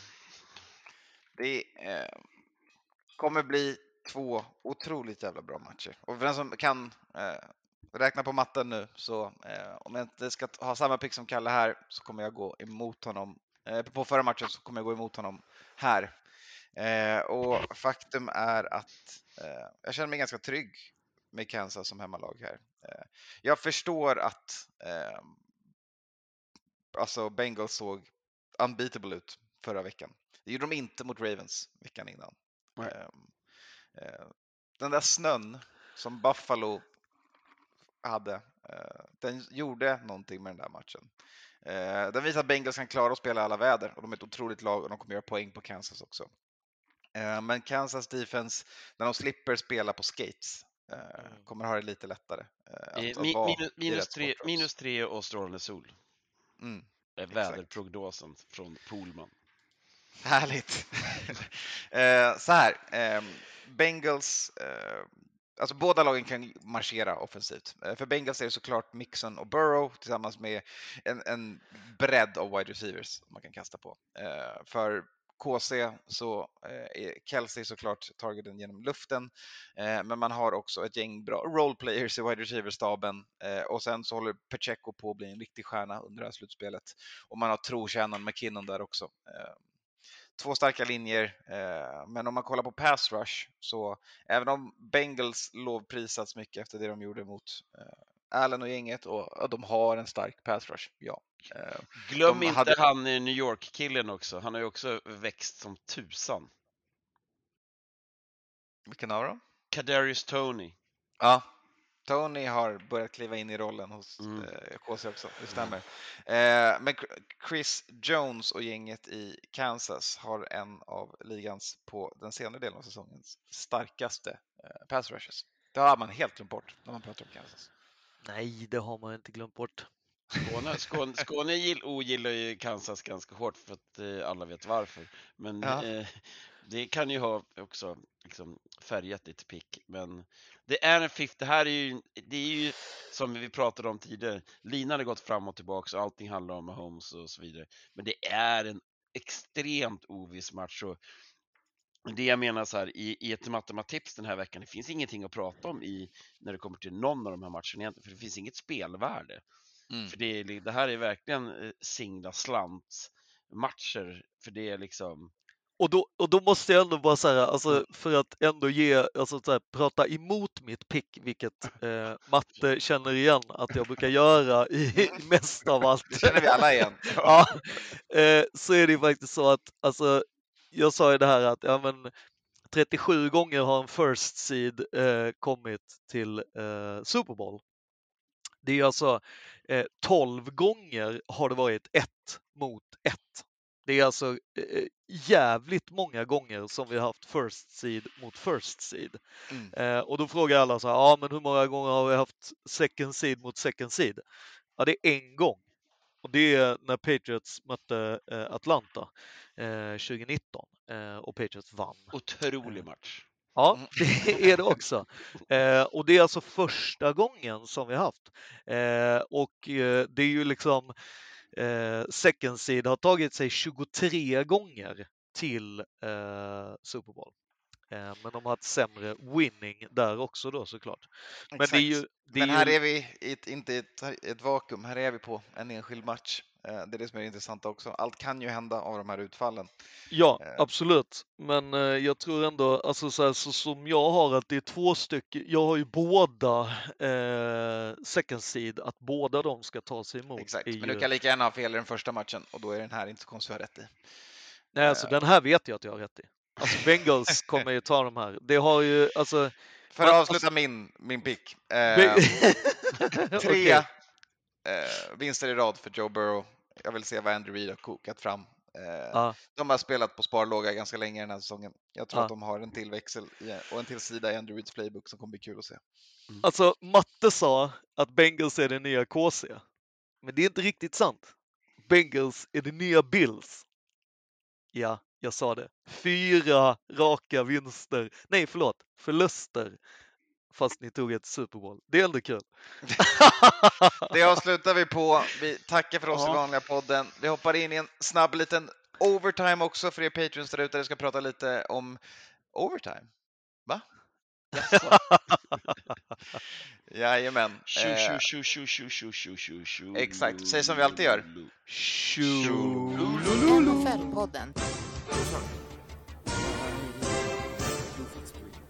Producent Skåne. Säsong 10.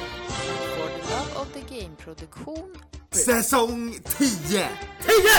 Säsong 10. NFL-podden. Säsong 10. En For the Love of the Game-produktion. NFL-podden. Producent Skåne. Då säger jag bara att vi kör. Ja, ja men vad trevligt. Varsågod. Det är dags. Det är säsong fem. Nej, Säsong 10! det är säsong tio. 10!